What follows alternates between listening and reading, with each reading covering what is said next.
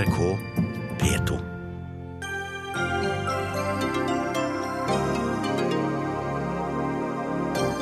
Stortinget skal stemme over Forsvarets langtidsplan. Skal flybasen på Andøya bestå? På Stortinget er de folkevalgte uenige. På Andøya er det folkemøte over en av de mest betente sakene i langtidsplanen. Norske piloter går syke på jobb, viser ny undersøkelse. Det er ikke spørsmål om, men når det skjer en ulykke, hevder en av flygernes fagforeninger. Og en av Donald Trumps nærmeste medarbeidere trekker seg, og det er spenning rundt hvem han velger som sin regjering i USA. Og SV ønsker ny eiendomsskatt. Den vil overhodet ikke hjelpe å ned, for å få ned boligprisene, sier Høyre.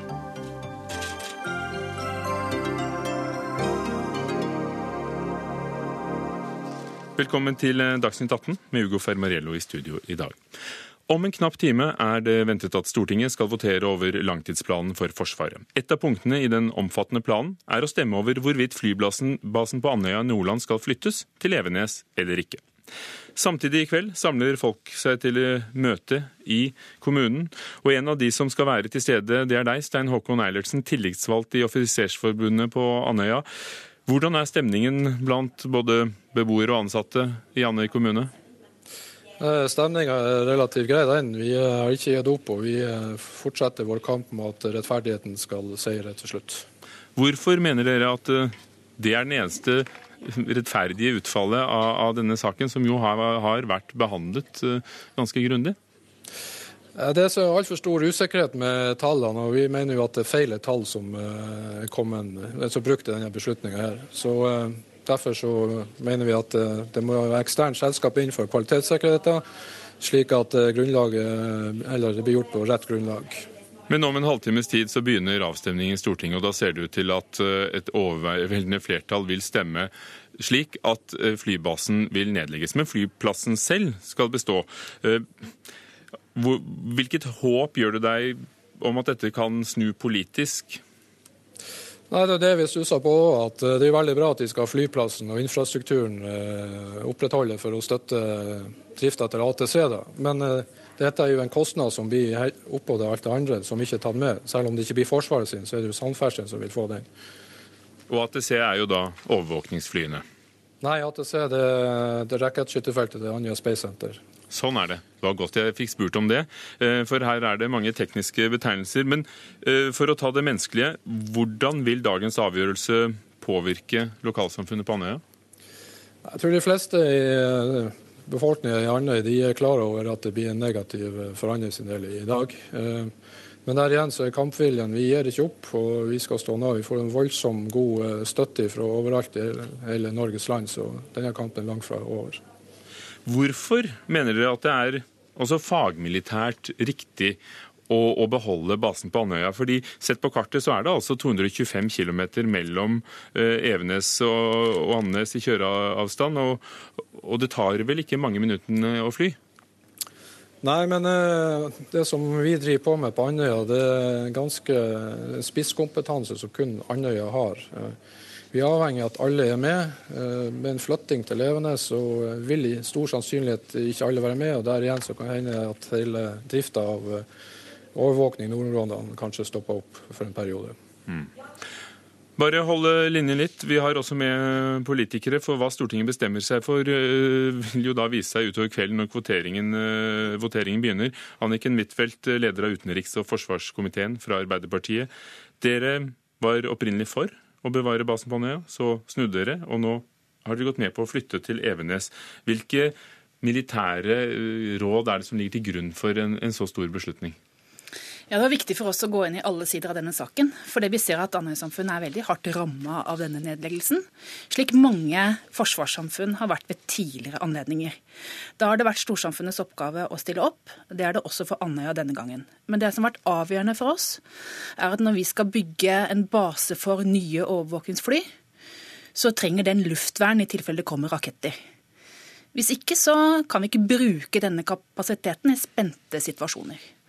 Og Derfor så koster det mer enn før, å ha to militære flyplasser ved siden av hverandre, og vi trenger luftvern omkring den. Så hører jeg her at det er en del usikkerhet omkring tallene. De har vært veldig godt kvalitetssikret. Men vi har bedt om en ny gjennomgang av ikke bare disse, men alle tall. Så er det viktig å si at også andre baser som er rammet eh, på ulike måter av vedtak i denne langtidsplanen, sier jo akkurat samme som Andøya. Tallene holder ikke mål, det er ikke til å stole på. Men det er helt åpenbart slik at militærfaglige argumenter taler for det vedtaket nå, som 78% av stortingsrepresentantene gjør om en halvtime. Og Nå sitter da Forsvarsdepartementet og regner på disse tallene, men er det ikke nærmest uforsvarlig å, å foreta eh, en sånn avgjørelse før dere har fått de nye tallene? For du sier jo selv at dere har bedt om nye tall. Nei, altså det har vært veldig nøye gjennomgang av disse tallene, både fra Forsvarsdepartementet, men også fra eksterne. Slik at de tallene de fester jeg lit til. Eh, og det er ingen nye beregninger som tilsier eh, at det er grunn til å endre dette standpunktet. Men når det gjelder beregningen på Andøya, når det gjelder beregningen på Værnes, så mener vi at det skal være en gjennomgang av alt tallmaterialet dersom det dukker opp nye fakta. Men det er først og fremst militærfaglige argumenter, behov for eh, luftvern, som er utgangspunkt for at Arbeiderpartiet mener at det ikke er forsvarlig med to flybaser. Liv Signe Navarsete, medlem i forsvarskomiteen for Senterpartiet. Hva er dere kommet til? Nei, Vi har kommet til at eh, det, som, eh, det alternativet som òg ligger i langtidsplanen, som rett nok ikke er tilråd, men som ligger der, eh, det er det vi går for. Ved å opprettholde en delt løsning, altså kampflyene på Evenes og overvåkingsfly på, på Andøya. Og Det gjør vi ut ifra det som ligger i langtidsmeldinga. For der er det ikke kalkulert med at en trenger luftvern på den basen som skal ha overvåkingsfly. Det har heller ingen andre Nato-land. Så, liksom, så, plutselig har det kommet inn siden juni et krav om at begge basene må ha luftvern. Og Det fordyrer selvfølgelig en delt løsning betydelig. Eh, men det er jo et spørsmål som vi ikke har greid å få svar på. Det er hvorfor har det oppstått som et så tydelig krav, når det, når det ligger et alternativ i langtidsplanen? Og, vært, og det er jo viktig å si, luftvern for andre har ikke vært utgreid. Når, når, eh, når det blir peka på at en har et tallmateriale, så har det ikke vært utgreid. Det står uh, klart og tydelig her i La oss ta, ta det punktet før vi, før vi går videre. Vi har prøvd å få med Høyre. Vi har prøvd å få med også forsvarsministeren fra Høyre, men, men, men, det gikk ikke. Men Anniken Huitfeldt, dere har landet på samme, standpunkt. Hvorfor må det være luftvern? Det er mange som hevder at vi har ikke hatt det tidligere. Og andre Nato-land har det ikke når det gjelder denne typen overvåkningsfly. Vi har hatt luftvern på Andøya før 1990. Nå har det vært ganske mange år med avspenning. Hvis vi ikke har luftvern, så må vi flytte flya på et ganske tidlig tidspunkt hvis det blir en spent situasjon. Det mener jeg ikke er forsvarlig. Jeg mener at hvis vi skal ha nye overvåkingsfly Det er nye tider som krever mer. Det er nye overvåkingsfly, og vi ligger jo relativt nærme vår store nabo. Så den overvåkinga som vi driver sjøl i nordområdene, kan ikke sammenlignes med den overvåkinga som tyskerne driver i Østensjøen. Så jeg mener at de militærfaglige argumentene her er uomtvistelige. Det er jo ikke et enkelt standpunkt å, å falle ned på. Det rammer Andøya-samfunnet veldig sterkt. Men vi har prøvd og prøvd å bore i argumentene omkring dette. Og jeg mener at her må vi ta militærfaglige argumenter og legge det til grunn for denne beslutningen. Er det lokalsamfunnet dere er mest bekymret for, eh, Navarsete? Jeg kan eh, sitere tidligere flaggkommandør Jakob Børresen, som sa at det er sjelden eh, at det har vært så sammenfallende forsvarspolitisk forsvarspolitiske argument og lokalsamfunnsargument som i denne saken. Men for oss har det vært forsvarspolitiske argument, og vi har sett hvor lite det som ligger i langtidsmeldinga. Så, så, hvilke det, fordeler det har... militært er det ved å bevare, slik du ser det, overvåkningsflyene og basen deres på Andøya? Først og fremst at vi har et miljø som fungerer 100% godt. De fleste bor på Andøya. Eh, altså En har rett og slett et unikt miljø. Det fungerer og gått veldig, veldig, godt i forhold til testsenteret, for at en har høy kompetanse, og folk kan kanskje veksle imellom. altså En drar nytte av at en har eh, det forsvarsanlegget, den forsvarsbasen. Vi har òg ganske stor eh, andel alliert øving på, på Andøya på, øya der. Og det er òg aktiviteter som da vil bli redusert hvis en flytter basen. Så det viktigste argumentet vårt er at vi har en veldig høy og god kompetanse som sannsynligvis ikke vil følge med, og som vil ta lang, lang tid å bygge opp igjen. Og så er det som sagt helt uforståelig at en nå bygger avgjørelser på argument som ikke ligger i langtidsmeldinga i juni. Ikke, altså, den Sikkerhetssituasjonen har ikke forandra seg så mye siden juni at, at de argumentene er holdbare. Og så skal en òg i tillegg kvalitetssikre tallene. Og hvis Arbeiderpartiet stolte 100% på tallene, som det blir sagt her at en gjør, hvorfor skal en da kvalitetssikre tallene og komme igjen med de i revidert nasjonalbudsjett? Det er klart Her er det en usikkerhet om de tallene som er brukt, er rett. Hør her, Navarsete. Du og jeg har sittet i regjering sammen. Vi har mange ganger fått motargumenter omkring de basene vi har valgt å legge ned. Men det har vært helt avgjørende for å bygge et moderne forsvar. Når vi har lagt ned baser, så har vi fått de samme argumentene som du bruker nå, nemlig at kompetanse vil forsvinne. Og likevel har du og jeg gjort det. Forskjellen på deg og meg er at vi vektlegger de militærfaglige argumentene på ulik måte. Jeg mener at hvis du skal ha en moderne luftbase, hvis du skal ha moderne overvåkningsfly, hvis du skal ha kampfly i en mer spent situasjon, så kan ikke vi ha baser som er så usikre at vi må ta vekk flya hvis det blir en spent situasjon. Tvert imot så mener jeg at den sikkerhetspolitiske situasjonen den krever at vi av og til tar veldig vanskelige avgjørelser, sånn som vi gjør nå. Vi må legge de militærfaglige argumentene til grunn i denne saken. I disse avgjørelsene Vet du noe vi ikke vet? Eh, Klassekampen skrev i forrige uke og hevdet at dere hadde fått uh, hemmelig informasjon fra regjeringen før dere snudde i, i, denne saken. Er det argumenter her som ikke vi i publikum får vite om fordi, fordi det er hemmelig? Så Liv Signe Navarsete og jeg har fått de samme argumentene, men vi vektlegger de noe ulikt. Eh, de overordnede argumentene de legger jeg fram nå til åpen diskusjon, men detaljene omkring det, det er klart at det er hemmeligstemplet. Det er ingen argument som er framlagt som eh, endrer det som ligger i langtidsplanen fra regjeringa fra juni. Det er det ikke. Eh, sånn at det, det som de la fram i juni, det ligger der òg i dag.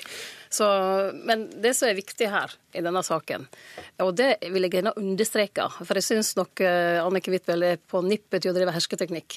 Vi, ja, vi var med og la ned baser, og vi er òg med på det i denne langtidsmeldinga. Det er ikke sånn at vi opprettholder alle baser som, som før, uh, men det må være lov å stå på det som òg ligger i langtidsmeldinga, uten å bli beskylda for at en ikke tar forsvarspolitisk omsyn. Det gjør Senterpartiet, som vi alltid har gjort. Uh, og, og denne saken mener du er så viktig at, at, du ikke vil gi deg på den, selv etter uh, i dag? Jeg tror veien til regjeringsmakt neste høst kommer til å gå om et eh, eller flere sentrumsparti. Eh, sentrum står veldig samla i denne saken. Det er jo et av de positive elementene. At eh, de tre sentrumspartiene faktisk har hatt et veldig godt samarbeid gjennom utarbeiding av langtidsmeldinga. Og jeg tror alle tre partier er innstilt på at vi kommer til å vurdere dette på nytt når vi nå har fått tall i, i revidert nasjonalbudsjett, og en skal eventuelt inn i en valgkamp og gjøre et valg av regjering etter valget. Hvor mye handler det om økonomi? Hvor mye handler det om militære strategier? Begge deler. Nå er det to militære flyplasser som ligger i luftlinje omtrent ti mil fra hverandre. De skal være topp moderne. Det er helt åpenbart at det er billigere å drifte én, men det er de Også, militærfaglige argumentene som har vært avgjørende for meg. Og så er det stemmer som hevder at eh, Evenes-flyplassen har langt dårligere flyforhold, det er for lite plass, og Andøya er derimot ideell. Ja, det er jeg uenig i. Og så mener jeg at det er galt å gi den beskjeden til Andøya-samfunnet nå at nå er det omkamp, omkamp. Det er mange små samfunn i Norge som har vært rammet hardt av store omstillinger i Forsvaret. De har klart seg gjennom omstilling. Vi må stille opp nå som storsamfunn for omstilling på Andøya. Men det blir ikke bedre at man varsler en omkamp. Tvert imot så sikrer vi nå at flystripa får lov til å fortsette. At de som driver med rakettoppskyting for mange allierte, at de får fortsette. Og at det kommer en stor pakke med omstillingsmidler til Andøya. Det mener jeg er langt mer ansvarlig når 78% av stortingsrepresentantene i dag stemmer for nedleggelse av Andøya flystasjon. Denne saken er vi ikke ferdig med. Eh, det er ille, er du ikke med på å, som skjer i dag. Å skape et, et håp som kanskje egentlig ikke er der? Vi får se hva som kommer, eh, både i revidert nasjonalbudsjett og i tida etterpå. Eh, jeg tenker at eh, Andøya må gjøre opp måtte si mening sjøl om de vil kjempe videre for sin sak.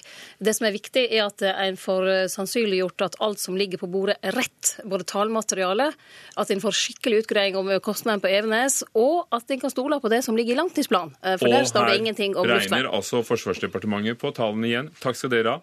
I denne omgang. Liv Signe Navarsete fra Senterpartiet og Anniken Huitfeldt fra Arbeiderpartiet. Stein Håkon Eilertsen fra Offisersforbundet, du er med oss fortsatt fra folkemøtet på, uh, på Andøya. Ja, hva syns du? Nei, Det var som forventa. Blir bare litt sånn matt på godt nordnorsk.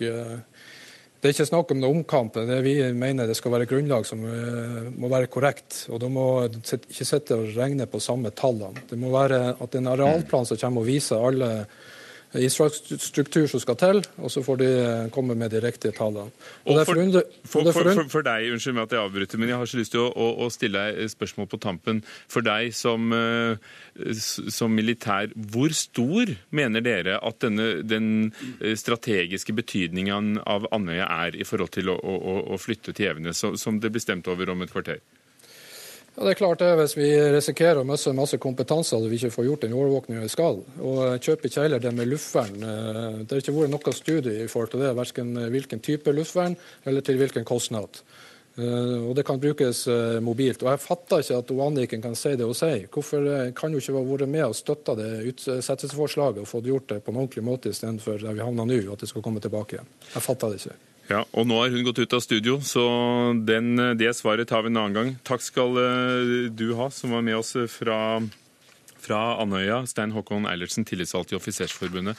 Magnus Takvam, politisk kommentator her i NRK. Hvorfor er debatten om luftvern rundt Andøya blitt en så stor del av hele langtidsplanen for Forsvaret, som omfatter så utrolig mye mer?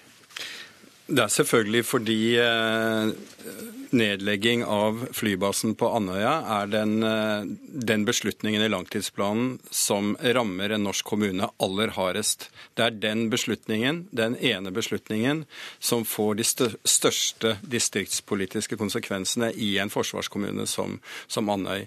Og eh, når luftvern eh, trekkes inn, så hørte vi jo Anniken Huitfeldt selv si i sendingen her at det var nettopp det som var det avgjørende argumentet. At kravet, som hun da uh, sier, om å ha et permanent luftvern på denne basen for maritime overvåkingsfly, uh, gjør at det blir umulig å ha det fordelt på to baser. Da blir, blir det for dyrt. Sånn at det, uh, det ene poenget har vært utslagsgivende for, for eh, at det flyttes til Evenes for, for, Arbeiderpartiet, og dermed for et flertall på Stortinget. Men vil denne usikkerheten om tall og uh, beregningene av omkostningene faktisk føre til at, at Navarsete og, og, Venstre vil kunne klare å ta kampen opp på nytt før valget, kanskje?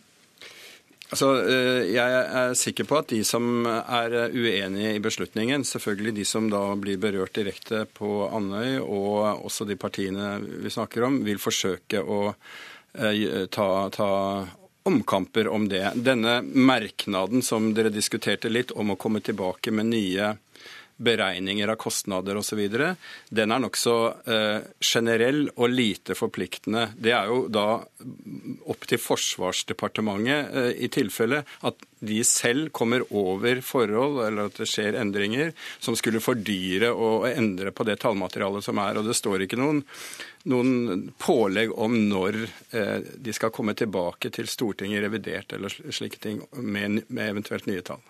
Og Hvis vi da hever blikket litt, hvilke andre saker i langtidsplanen er det, eh, er det Stortinget kommer til å vedta nå om kort tid? Altså, det, den aller viktigste beslutningen er jo disse tre store strategiske eh, investeringene som man har snakket mye om. F-35 kampfly, nye ubåter og altså disse eh, mye omtalte maritime overvåkingsflyene som skal erstatte dagens i løpet av noen år. Og så eh, har man fordi hele uh, studien om den kommende, altså framtidens hær er utsatt til denne landmaktsutredningen, så er det en stor usikkerhet uh, om uh, skal vi si, framtida for den norske hæren. Så det er noe som vil, man vil komme tilbake til når den studien foreligger om et, om et knapt års tid. Eh, det som ellers går fram av merknadene, som er en veldig svær brikke i hele dette spillet, er at eh, mindretallet stiller store spørsmål ved realismen i den effektiviseringen som ligger til grunn for eh, langtidsplanen. Der, der, er det nemlig slik at 40 milliarder kroner av det man skal bruke framover, skal hentes inn via legge ned baser og effektivisering. Eh, det stiller da mindretallet store spørsmål ved om er realistisk, og viser til at forsvarssjefen også i et vedlegg mener at det kan være for optimistisk. Så det er mange store spørsmål her. Og hvis vi ser på det politiske her, ikke bare det som handler om Forsvaret. Eh, det må da ha vært forsmedelig for regjeringens støttepartier å, å, å si at eh, regjeringen fikk med seg Arbeiderpartiet på store ting de var uenige før de hadde fått med seg sine egne? Det kan du si, men uh, altså uh, Nå uh, er det ikke uvanlig, det er heller vanlig at Arbeiderpartiet og Høyre finner sammen i i eh, forsvars- og utenrikspolitikk. Eh, det var, Men f.eks. Sist, sist langtidsplan, den rød-grønne perioden, så, så, ble de stående alene. Altså de rød-grønne partiene ble stående alene, så dette skifter litt. Men det er klart at Senterpartiet i en gitt situasjon etter valget, hvis de kommer i en posisjon, vil helt sikkert prøve å omstøte en del av, av det vi snakker om her. Takk. Magnus Takvam, politisk kommentator i NRK. Dagsnytt 18 alle hverdager kl 18.00 på NRK P2 og NRK2.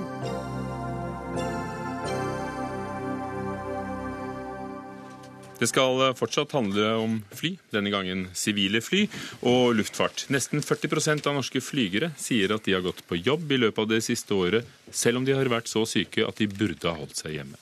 Det er et av resultatene i en landsomfattende arbeidsmiljøundersøkelse i sivil luftfart som eh, Luftfartstilsynet la frem i dag. Trond Eirik Strand, sjeflege og leder for flymedisinsk eh, seksjon i Luftfartstilsynet. Hvor betryggende syns du det er at eh, norske flygere selv oppgir at de går på jobben selv om de ikke burde? Ja, Det er dette vi jobber med i Luftfartstilsynet, og at pilotene skal være friske. Eh, og vi har strenge helsekrav for det. Så det å se at så mange har gått på jobb flere ganger i løpet av de siste tolv månedene, det, det syns vi ikke er bra. Hvordan er utviklingen?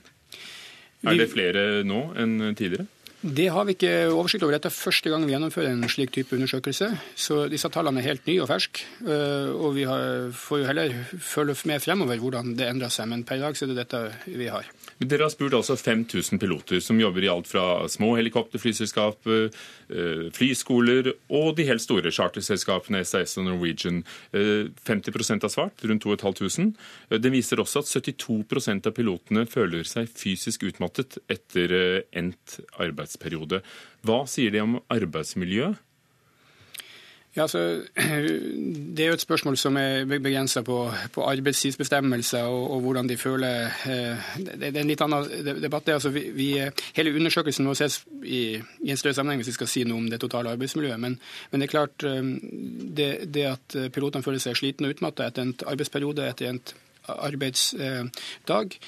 Det er jo også noe som vi Luftfartstilsynet er opptatt av, og som vi jobber for å, å og sikre at eh, de, de, har de beste foran. menn. Jeg skjønner at arbeidsmiljøet er et større spørsmål. Mm. Men tar da selskapene godt nok vare på sine ansatte? Hvis de føler at de må gå på jobb, selv om de ikke skulle? Ja, det, det som er at eh, vi, vi vet at uh, selskapene følger de reglene som gjelder. Uh, og så er det jo med arbeidstidsbestemmelser. Uh, men derunder så er det jo også viktig at eh, man har de beste forholdene for å gjøre jobben sin. Det vi vet er at dette har ikke gått utover på ulykkes- og hendelsesstatistikken, så har vi ikke sett at dette er noe som påvirker flysikkerheten i hvert fall. Det er tall som Luftfartstilsynet sitter med. Så det går ikke utover sikkerheten? Ikke som vi har registrert gjennom de, den monitoreringa som Luftfartstilsynet gjør. Ja, nå får vi høre hva flygerne selv sier. Petter Førde, leder i Norsk Pilotforbund, underorganisasjon til Parat, med 1600 flygere som medlemmer. Hva sier dere? Jeg er litt eh, oppgitt over det dr. Strand nå sier. fordi at eh, ved å si at det ikke går utover sikkerheten, så gjør det jo selvfølgelig det. Med så lange og mange arbeidsdager som vi har eh, nå, så, så, så, så, er jeg litt overrasket over holdningene. Fordi at man prøver å bagatellisere og på en måte ikke ta de signalene som denne undersøkelsen gir klare svar på. Og vi som har vært i bransjen, og jeg da i over 30 år, jeg har jo sett utviklingen. Og det som er bekymrer eh, de 1600 eh, flyverne jeg representerer fra alle deler av norsk luftfart, de forteller den samme historien. Lange arbeidsdager og veldig vanskelig å harmonisere med resten av samfunnet, slik denne bransjen har utviklet seg. Yngve Karlsen, leder for Norsk Flygerforbund, som er en del av LO, organiserer bl.a. mange SAS-piloter og, og helikopterpiloter. Hva er din bekymring når du ser rapporten som kom i dag? Jeg deler Førdes bekymring for at eh, man ikke kan ta lett på det som man finner i denne undersøkelsen. Eh, Norsk Flygerforbund har vært pådriver gjennom HMS-forum for at denne undersøkelsen ble igangsatt. Og de funnene som nå kommer for en dag, det er altså at eh, åtte av ti er utmattet, og det er en tilsvarende andel prosent som sliter med søvn. Og eh, at du, som du var inne på, har, eh, går på arbeid, altså fire av ti går på arbeid når de åpenbart skulle vært hjemme, er svært bekymringsfullt. Og hvem har ansvar for å si at de ikke kan fly, når de føler seg uskikket til å fly? Det er pilotene selv som har det ansvaret. Og så er det samtidig, som Førde var inne på, det er en betydelig press i bransjen for å eh, levere. Da. Marginene i luftfart er svært, svært små. Og eh, Det er sikkert sammensatt, som vi kan komme inn på her. Men det, men det var det jeg ville frem til. fordi det må da være opp til, til dere, til flygerne, å, å, å, si nei, hvis dere føler dere uskikket uh, til å fly, uh, selv om det er upopulært i selskapet og blant passasjerene som står der. Jeg kunne tenke meg å bare knytte en kommentar til det i og med at du spør meg. Det er det at ja, det er eh, helt greit å si at du ikke er skikket for å gå, men så finnes det også forhold i luftfart i dag hvor du har ansettelsesmodeller som det i praksis blir veldig vanskelig. For at man da kan risikere at man ikke blir stående uten arbeid. Da. Så Det er det som bekymrer oss også. Hva som ligger i disse tallene, vi har ikke gått inn i dybden av tallene og hvem som har svart hva, det vet jo uh, Luftfartstilsynet. Ja, jeg vil bare supplere på det at det kommersielle presset I dag har vi en luftfartsbransje hvor alle tjener penger, bortsett fra flyselskapene.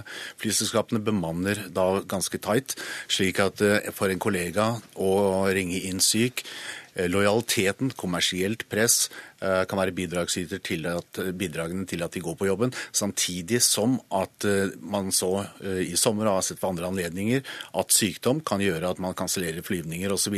Eller at så vet man også at hvis man kaller inn syk, så er det noen andre kollegaer som må ta den flyvningen. Samtidig, hvis ikke det er mulig, så må selskapet kjøpe fri kapasitet. Så du, du sier det er, altså, under press? Det er kommersiell, et kommersielt press i, i bransjen. Det er også en lojalitet fra den enkelte pilot å stille stille eh, og eh, på jobb.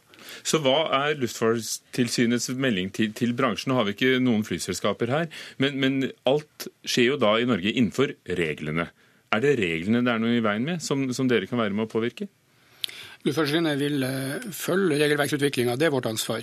Og eh, det, Dette er jo felles, eh, europeiske fellesregler som vi er med å påvirke. Det skal revideres, og vi vil spille inn tilbakemeldinger fra Norge. Da er faktisk denne undersøkelsen vi har gjort, et godt bidrag til å fortelle resten av Europa hvordan pilotene i Norge har det. For dette er en konkret kartlegging av 2500 stemmer som, som vi har vært med og bidratt til å få frem i dagens lys. Før du sier det du har tenkt å si, er du enig i din eh, fagforeningskollega at eh, det går på sikkerheten løs? Det er jeg helt enig i. Det går på sikkerheten løs. Vi eh, har vært bekymret for sikkerheten de siste årene. Vi eh, i eh, Norsk Flygerforbund representerer piloter eh, i Norge og internasjonalt. Og det er den samme utviklingen hele veien. Vi har sett dette gjennom dereguleringen i USA. Vi har fått da fatigue-baserte ulykker, og man har strammet inn regelverket. Og det er jo det vi er inne på, som Strand nevner. Det er det europeiske regelverket der vi mener at rammene er for vide.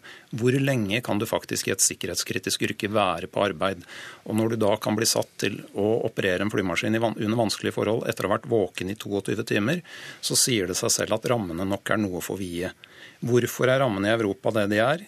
I i USA som man har lært av ulykker, den siste Buffalo-ulykken, eh, som skjedde som en del av dereguleringen i USA.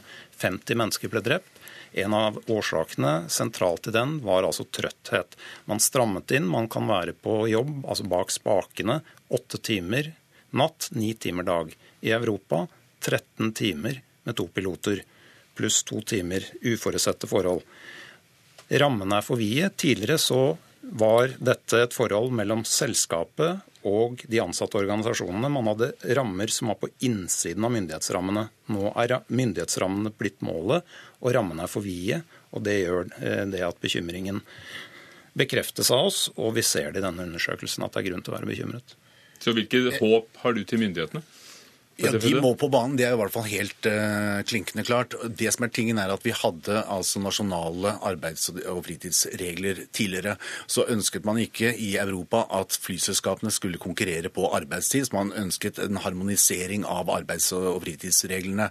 Der var flyverne i Europa samlet, og vi hadde ett eneste krav inn mot de forhandlingene med myndighetene. Det var at dette skulle være medisinsk og vitenskapelig forsvarlig, det som ville være vår nye hverdag. De inntrykkene som eh, vi la til grunn, og det som ble presentert, tok ikke politikerne hensyn til. De la bort det vitenskapelige og det medisinske og kjørte sin egen vei. Og nå har vi endt opp med dette her. Og den rapporten den avdekker hva vi har fryktet lenge, nemlig at dette går på sikkerheten løs. Ingen tvil om det. Og da har jeg lyst til å stille deg det samme spørsmålet som, som, som jeg stilte, stilte Karlsen i sted. Er det ikke likevel, på tross av presset, enhver flygers ansvar å, å, å si nei når det går for langt?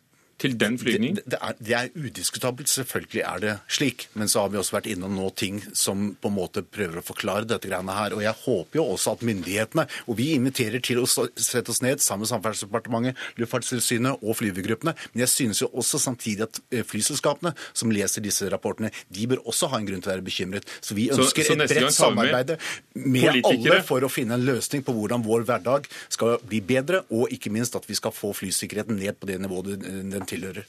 Så hvordan kan, kan dere i eh, Luftfartstilsynet si at det ikke på noen måte går på bekostning av sikkerheten, når vi hører den bekymringen fra de som sitter ved spakene? Altså, vi snakker ut ifra det faktagrunnlaget vi sitter med og det, det tilstandsbildet vi har. og I de ulike hendelsesrapporteringene vi har, så kan vi ikke se at det har vært noen økning i hendelser eh, som skyldes utmatta og, og, slappet, og, trøtthet. Men jeg er jo helt enig med det som vi har sagt her. Vi ønsker også en større dialog rundt disse problemstillingene. Og diskutere dette på, på, på ulike arenaer og på ulike plattformer. Og, og, bruke litt av det datagrunnlaget som kommer frem her. Hvilket arbeid foregår i Europa for å, for å se på regelverket? I USA USA hørte vi det er blitt strammet inn. Hvilket arbeid foregår i Europa? For det er klart, det er jo ikke en tid lenger hvor, hvor flygere flyr til Los Angeles og, og, ligger der en uke og så flyr de tilbake. Sånn er det ikke lenger. Altså det, det, det, siste regelverket som kom som var en, var en eh, endring, det var altså det, det, nye som kom i eh, februar nå i år, 2016. slik at Det vil jo eh, være en, det er jo en kontinuerlig utvikling av alt regelverk innenfor luftfart. Men det er typisk noen, noen år frem i tid før, vi, før neste revisjon kommer. Og den er Luftfartstilsynet med på og da er dere på banen? Vi vil alltid være på banen for å samarbeide om disse løsningene. Det som er eh, utfordringen i forhold til statistikk, det er jo at, han, at man i Europa har valgt statistikk for å si at det er sikkert. Mens for det skjer ikke flere ulykker? Fordi at statistikken ulykker. viser at det er trygt. Mens man presser hele tiden mennesket, som er årsaken til at man eventuelt får ulykker, ut til et punkt hvor den ulykken faktisk kommer til å inntreffe. Og Det har jo Førde vært inne på også her. Eh, vi tror det er grunn til å være bekymret for flysikkerheten fordi at man strekker strikken for langt og bruker statistikk for å bevise at det er trygt. Men vi har ikke sett statistikken ennå. Og der er dere enige. Det er statistikk. Du er jo selv lege og, og ansvarlig for, for, uh, for uh, det medisinske hos Luftfartstilsynet. Er det mulig å komme seg etter så lange arbeidsøkter som det vi hørte om? Det er klart, eh, Jo lengre du er på jobb og jo, jo mer tida går, så vil man jo eh, bli mer sliten. Eh, men igjen, vi, vi har ikke sett og, Men Synes du det er forsvarlig, de reglene som er europeiske i dag, som ikke er bare norske, men er de forsvarlige for deg som lege? Ja, I og med at jeg ikke er ekspert på det området og har gått inn i, i, i, det, i de faglige diskusjonene, så vil jeg være forsiktig med å uttale meg om akkurat det. Men, men ja. Og jeg skal være forsiktig med å gå videre, for vi må sette strek der. Takk skal dere ha. Trond Eirik Strand, sjeflege og, leder for flymedisinsk seksjon i Luftfartstilsynet. Yngve Karlsen, leder for Norsk Flygerforbund. Og Petter Førde, leder for Norsk Pilotforbund.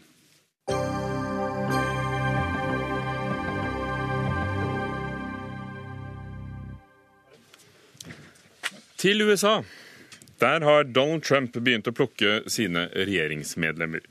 Den kommende presidenten har valgt uh, Rains Priebus som sin stabssjef og Steve Bannon som sin nærmeste rådgiver. Og Gro Holm, vår korrespondent i Washington. Uh, hvem er de, og, og hva synes uh, kommentatorene om det? Ja, Reince Pribus eh, er et populært valg. Han var jo leder for det republikanske partiet, eller den republikanske komiteen som det heter. Han er solid plassert eh, i sentrum, god konservativ, synes republikanerne i Kongressen. En fyr de kan samarbeide med, og det er viktig, for Pribus skal jo holde kontakten mellom Det hvite hus og Kongressen og regjeringen og andre deler av administrasjonen. Litt annerledes med Steve Bannon, tidligere direktør for Breitbart News. Han Eh, er jo en eh, innbitt antiglobalist. Har stått nær hvite nasjonalister som han har sluppet til på sidene til Breitbart News i stort monn. Eh, og har en stil som jo ligner på det mest kan du si, kraftfulle av Trumps måter å opptre på. Så det er mye bekymring, men de som har størst grunn til å bekymre seg, f.eks. speaker Paul Ryan i Kongressen, lar selvfølgelig være å gi uttrykk for sin bekymring offentlig, fordi nå skal det samarbeides. Og Paul Ryden sa på pressekonferansen i dag at han eh, var opptatt av å se framover da han ble spurt om eh, Steve Bannon.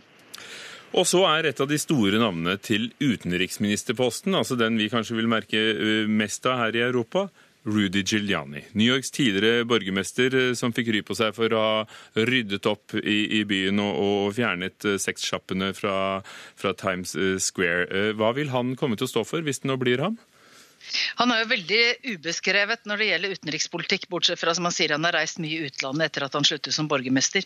Eh, han, eh, han har eh, uttalt seg faktisk på et møte i går kveld med Wall Street-ledere, og gjorde det da klart at Russland ikke utgjør noen militær, militær trussel mot USA, og at USA kommer til å samarbeide tett med Russland.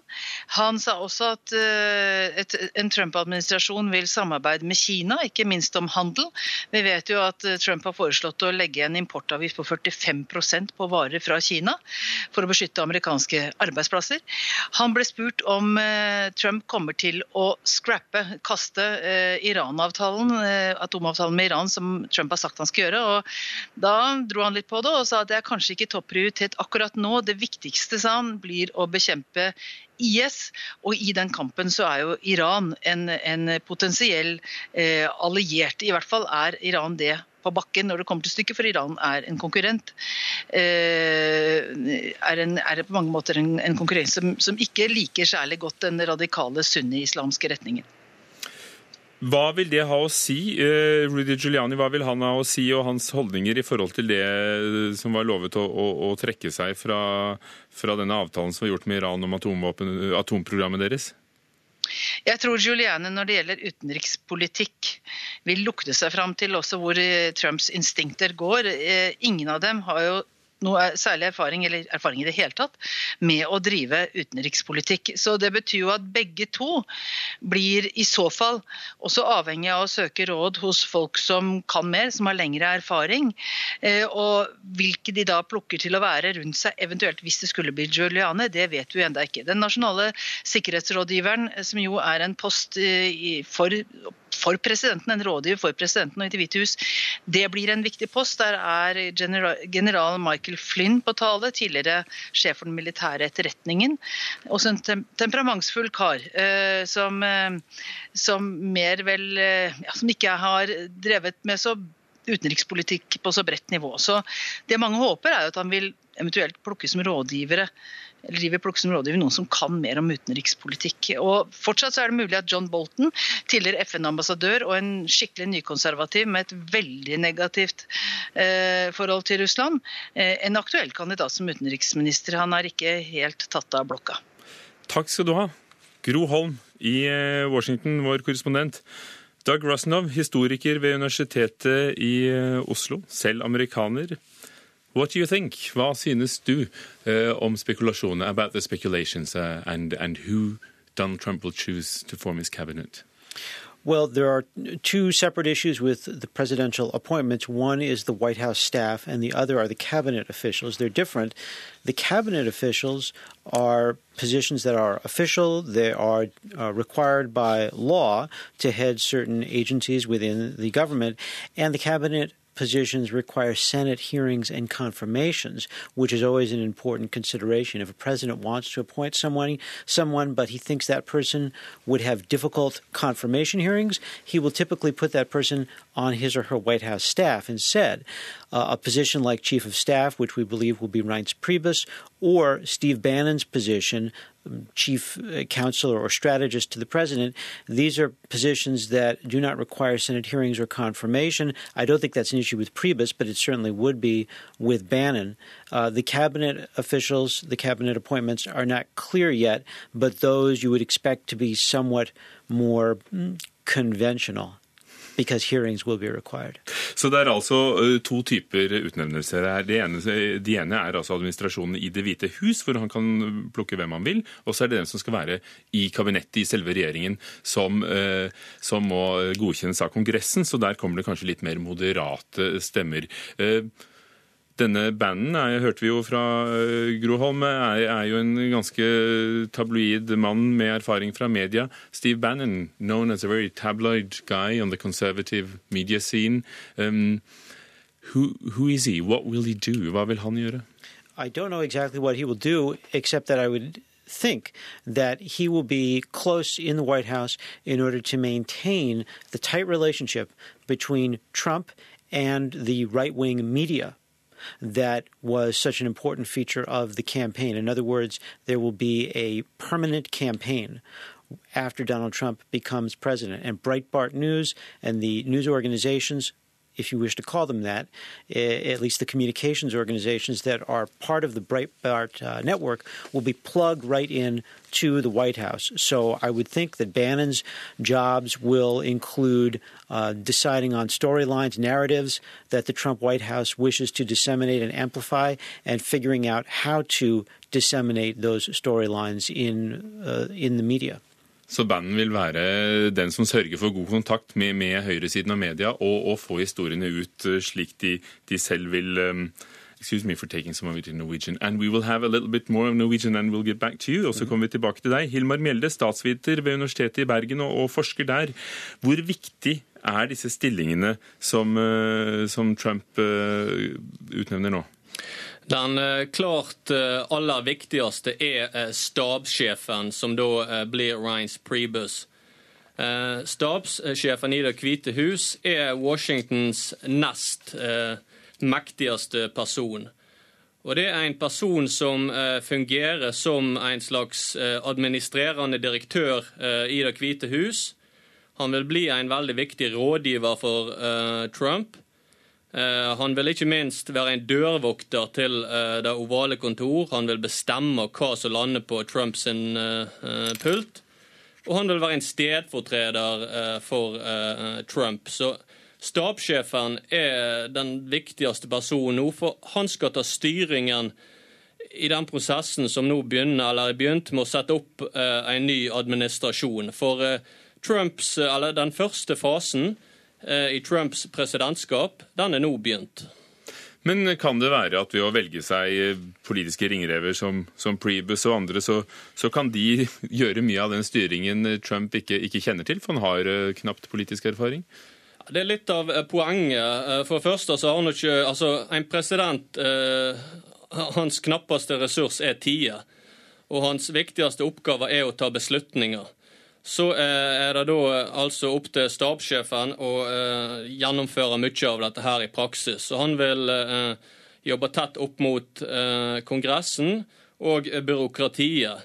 Så Trump er riktignok en populist, en opprører.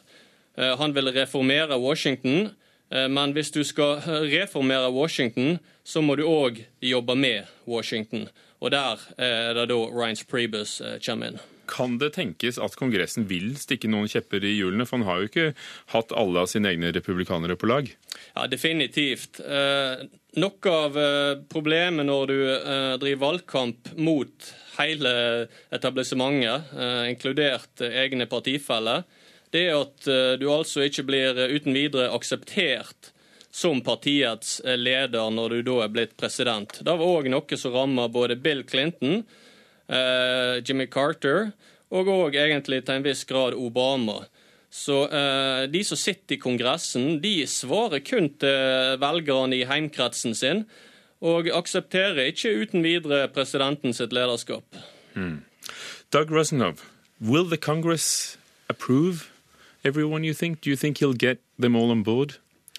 Uh, we don't know what his Senate nominations will be that will require Senate confirmation, but because the Republicans control and will control the Senate, I should say, and because he is aware of the need for Senate confirmations. But they don't all agree with him. Well, they're not disagreeing with him very much right now uh, because they see his great popularity with the base of their party.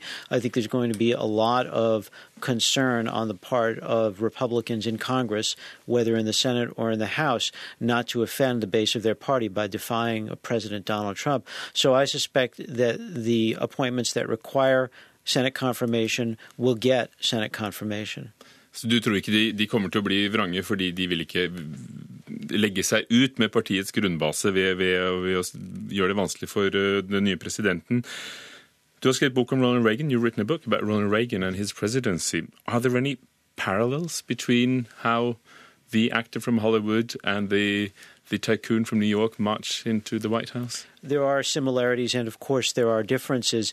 Uh, this was a bigger upset than in 1980 although Reagan won by much more in 1980. He beat Jimmy Carter by 10 points. So it wasn't really close in this election. Of course, Clinton won the popular vote, so it's different. But the, the great surprise in Washington means that the whole capital is in shock.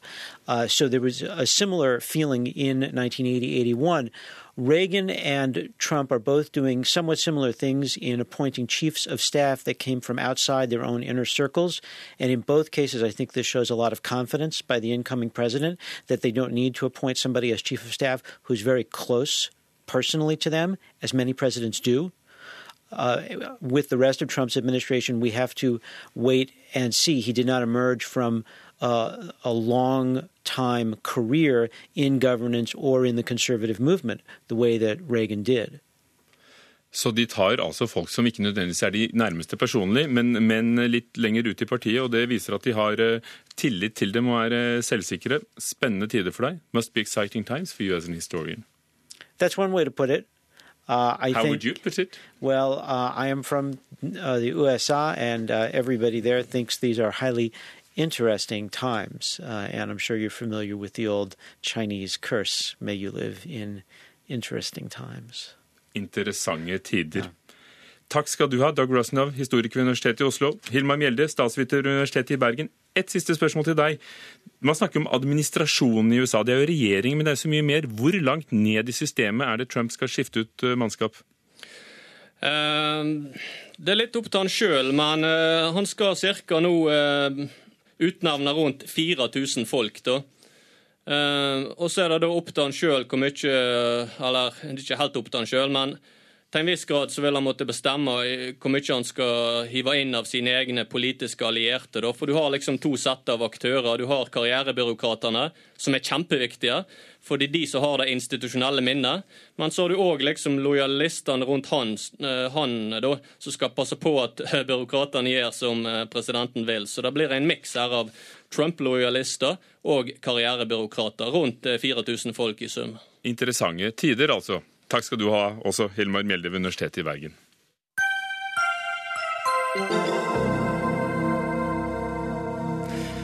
Fra USA til Russland. Den saken som vekker stor oppsak der, er ikke, og ikke bare der, men også i, resten av verden, er eh, at eh, økonomiministeren er blitt arrestert. Eh, han er nå mistenkt for omfattende korrupsjon, siktet og sitter i husarrest. Han skal ha tatt imot, ifølge myndighetene, bestikkelser for mer enn 14 millioner kroner. Morten Jentoft, korrespondent i Moskva. Hva, hva handler det om? Ja, Det handler jo om eh, kan du si, eh, nøkkel i Russlands eh, økonomi og egentlig da i hele det russiske samfunnet i dag, nemlig energisektoren. Der har det i hele år vært en stor diskusjon rundt salget av eierandeler i Russlands sjette største oljeselskap, Basjneft. Det ble for en drøy måned siden da kjøpt opp av, eller vel halvparten av eierandelene, aksjene der ble kjøpt opp av Russlands desidert største oljeselskap selskap i dag, nemlig Rosneft. Dette har vært en, et, et nytt oppkjøp det har vært mye diskusjon og mye strid om også innad i regjeringen. Er det riktig at et statsselskap kjøper opp et annet oljeselskap der også staten har klart å uh, få til seg flertallet flertall av aksjene, eierandelene? Og Dette var økonomiministeren i, i Russland, Aleksej Oljukajev, i prinsippet imot. Han har tilhørt den liberale kretsen innad i den russiske regjeringen. Men til slutt så lot han seg til manges overraskelse da overtale til å gå med på dette kjøpet. Nå mener altså russiske etterforskningsmyndigheter at her har det vært penger under bordet inne i bildet. I går så ble Oljokajev, da ifølge etterretningstjenesten FSB og russiske etterforskningsmyndigheter tatt på fersk gjerning, mens han da fikk overlevert, som du sa, vel ca. to eh, millioner eh, amerikanske dollar. Eh, etterforskningsmyndighetene mener at de har klare bevis her, fingeravtrykk etc. Men advokaten til Oljukajev, økonomiministeren, Timofej Gridnjejev, han sier nå i kveld at økonomiministeren Oljukajev har vært utsatt for en provokasjon, og dermed så er ryktene i gang. Er dette en del av et maktspill på toppen i det russiske samfunnet, eller er det en reell kampavsløring av korrupsjon? Og nå leser jeg meldinger som kommer akkurat nå om at han har fått eh, sparken fra regjeringen, og at ja. Eh, Putin sier at uh, denne handelen om oljeselskapene, den, den skal foregå uansett. Ja, hva sier du? Utelukkende mistanke om en korrupsjonssak eller et politisk spill? Det er vanskelig å, å, å, si for oss som står utenfor her. da. Eh, som du sa, sier Putin har nå uh, sparket uh, Oljukajev da, som økonomiminister. Det er et tegn på at det som nå har skjedd, har skjedd i samforstand med den russiske presidenten. Noen kommentatorer har ment at dette er et forsøk igjen da fra Vladimir Putin å balansere uh, mellom de mer liberale kreftene i regjeringen, som Oljukajev har hørt til Eh, og som har fått større makt i Russland det siste halvåret, med, eh, mot de mer eh, aggressive, tradisjonelle kreftene med basis i de russiske maktstrukturene, Forsvarsdepartementet, sikkerhetstjenesten. Og at uh, han igjen da nå ville vise hvem som styrer her, og at de liberale ikke må føle seg for trygg. Det er en spekulasjon her. Så får vi se hva denne etterforskningen vil, vil vise. Men uh, Russland er jo alle rykters mor, så her koker det på sosiale medier nå i kveld om hva som egentlig har skjedd, og hva som er motivene bak det som, det som nå foregår. Og takk for at du bringer dem til oss, Morten Jentoft i Moskva. Hør Dagsnytt 18 når du vil. Radio NRK Radio.nrk.no.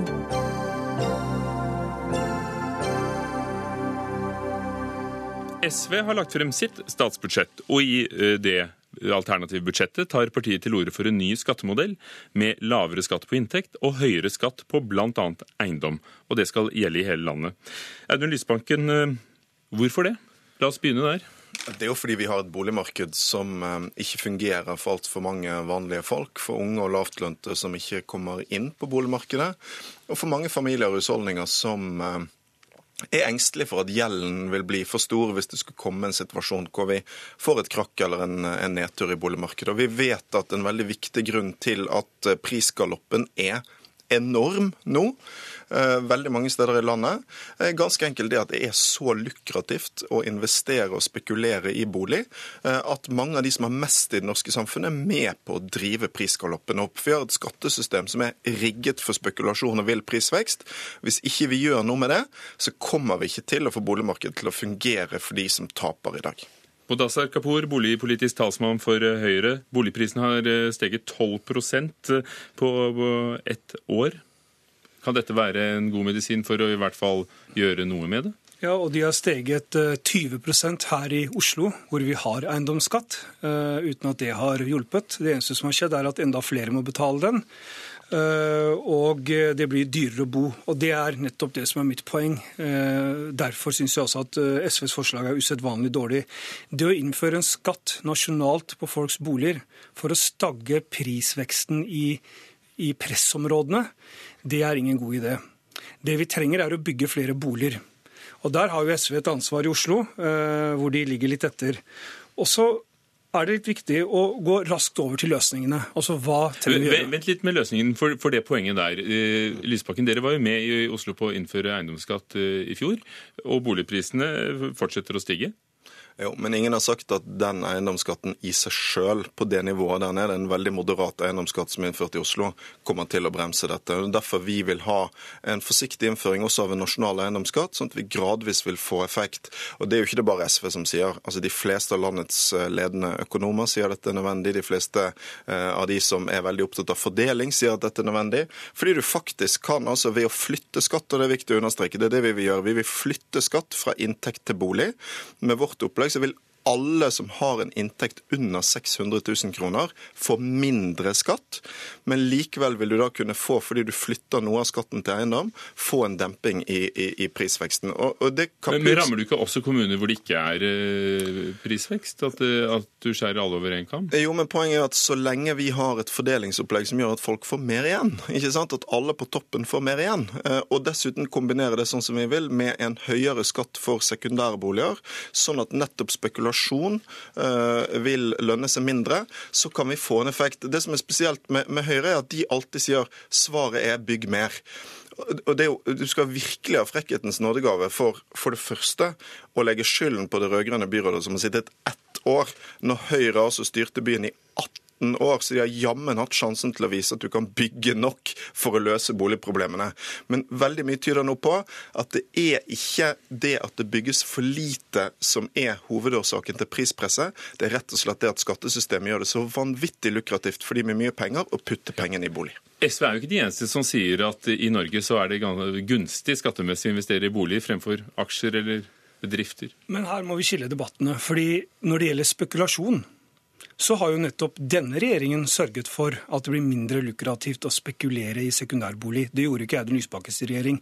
Men det Audun Lysbakken gjør feil, det er at han begynner å behandle folks hjem, det huset de skal bo i, som spekulasjonsobjekt. Og det er det jo ikke.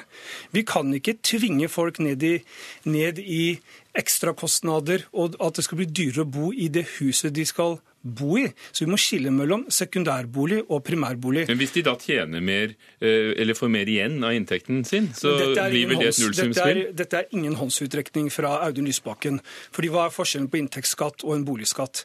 Inntektsskatten er forbundet med hva du tjener. Boligskatten rammer jo blindt, urettferdig, usosialt. Den tar ikke hensyn til om du er i jobb eller om du har mista jobben. Den tar ikke hensyn til om du er pensjonist som har lav inntekt, men du har greid å nedbetale gjelda på boligene dine. Men også har ikke Lausbakken svart meg, for jeg har spurt om det mange ganger. Hvor mye må egentlig folk rundt i landet betale i eiendomsskatt for at vi skal fjorte med boligprisene i pressområdene? Det må du svare på. Kapur har åpenbart ikke satt seg inn i vår modell. eh, For den er altså sånn at dette vil beregnes i inntektsskatten din. Så det, måten han beskrev det på, er feil. Men, men det overordnede her er følgende. spørsmål Men han svar på kan du, kan du ta det også? Hvor mye må folk betale i eiendomsskatt? Du vil ha en nasjonal eiendomsskatt for å stagge prisveksten i, i storbyene. Hvordan skal du få til det? Du kan bare lese vårt alternative statsbudsjett. Men, men fortell altså oss hvor, hvor stor skulle den eventuelt være? Vi har foreslått en modell der, eh, som er lik den vi hadde i Norge før, der du altså beregner verdien av bolig med et bunnfradrag eh, inn i eh, inntekten din. Og så vil jo hvor mye du da betaler i boligskatt, det vil jo avhenge av hvor stor den totale inntekten din er. Og hvis du ser på vårt budsjett, så, så vil jo Høyre da prøve å gjøre dette. Og dette illustrerer Altså det samme som er et fordel av å bo i egen bolig. Nettopp. Og dette prøver Høyre da til å gjøre til eh, en politikk som skal ta penger fra folk. Men Finansdepartementet har sjøl regnet på vårt skatteopplegg, og det viser at alle som tjener under 600 000 kroner, sitter igjen med mindre skatt med vårt forslag enn med ditt. Så det du må forklare, er hvorfor Høyre er totalt passiv i boligpolitikken. Dere gjør ingenting dere for å gjøre noe med Tusen boligmarkedet. takk for det Og- og- og så skal jeg bare si at- Får jeg svare på spørsmålet Jo, men jeg la meg bare si at I går så skjønte jeg jo hvorfor. Fordi at I angrep på vårt forslag så sa du at dette er et lokalt problem på Grünerløkka. Og da tror jeg folk i Tromsø La oss Bergen utover hele landet, så får vi ditt svar. som et eksempel på et pressområde. altså plukket, og Vi kunne også peke på andre pressområder. Men det viktigste, Audun Lysbakken, takk for at du stiller spørsmålet. Hva har vi gjort? Vi har forenkla regelverket for å få ned byggekostnadene og opp byggetakten. I dag kom det tall som viser at det er rekordstor igangsetting av nye boliger. Det skjer under denne regjeringa. Og vi har gjort noe med etterslepet. Jeg er en arvet etter større Audun debatt om hele skattemodellen etterpå. I dag har det dreid seg om eiendomsskatt og SVs alternative budsjett. Takk skal dere ha, Audun Lysbakken og Mudassar Kapur fra Høyre. Ingebjørg Sæbø var ansvarlig for denne utgaven av Dagsnytt 18. Marianne Myhrul, teknisk ansvarlig. Ugo Fermarello programleder. Takk for i dag.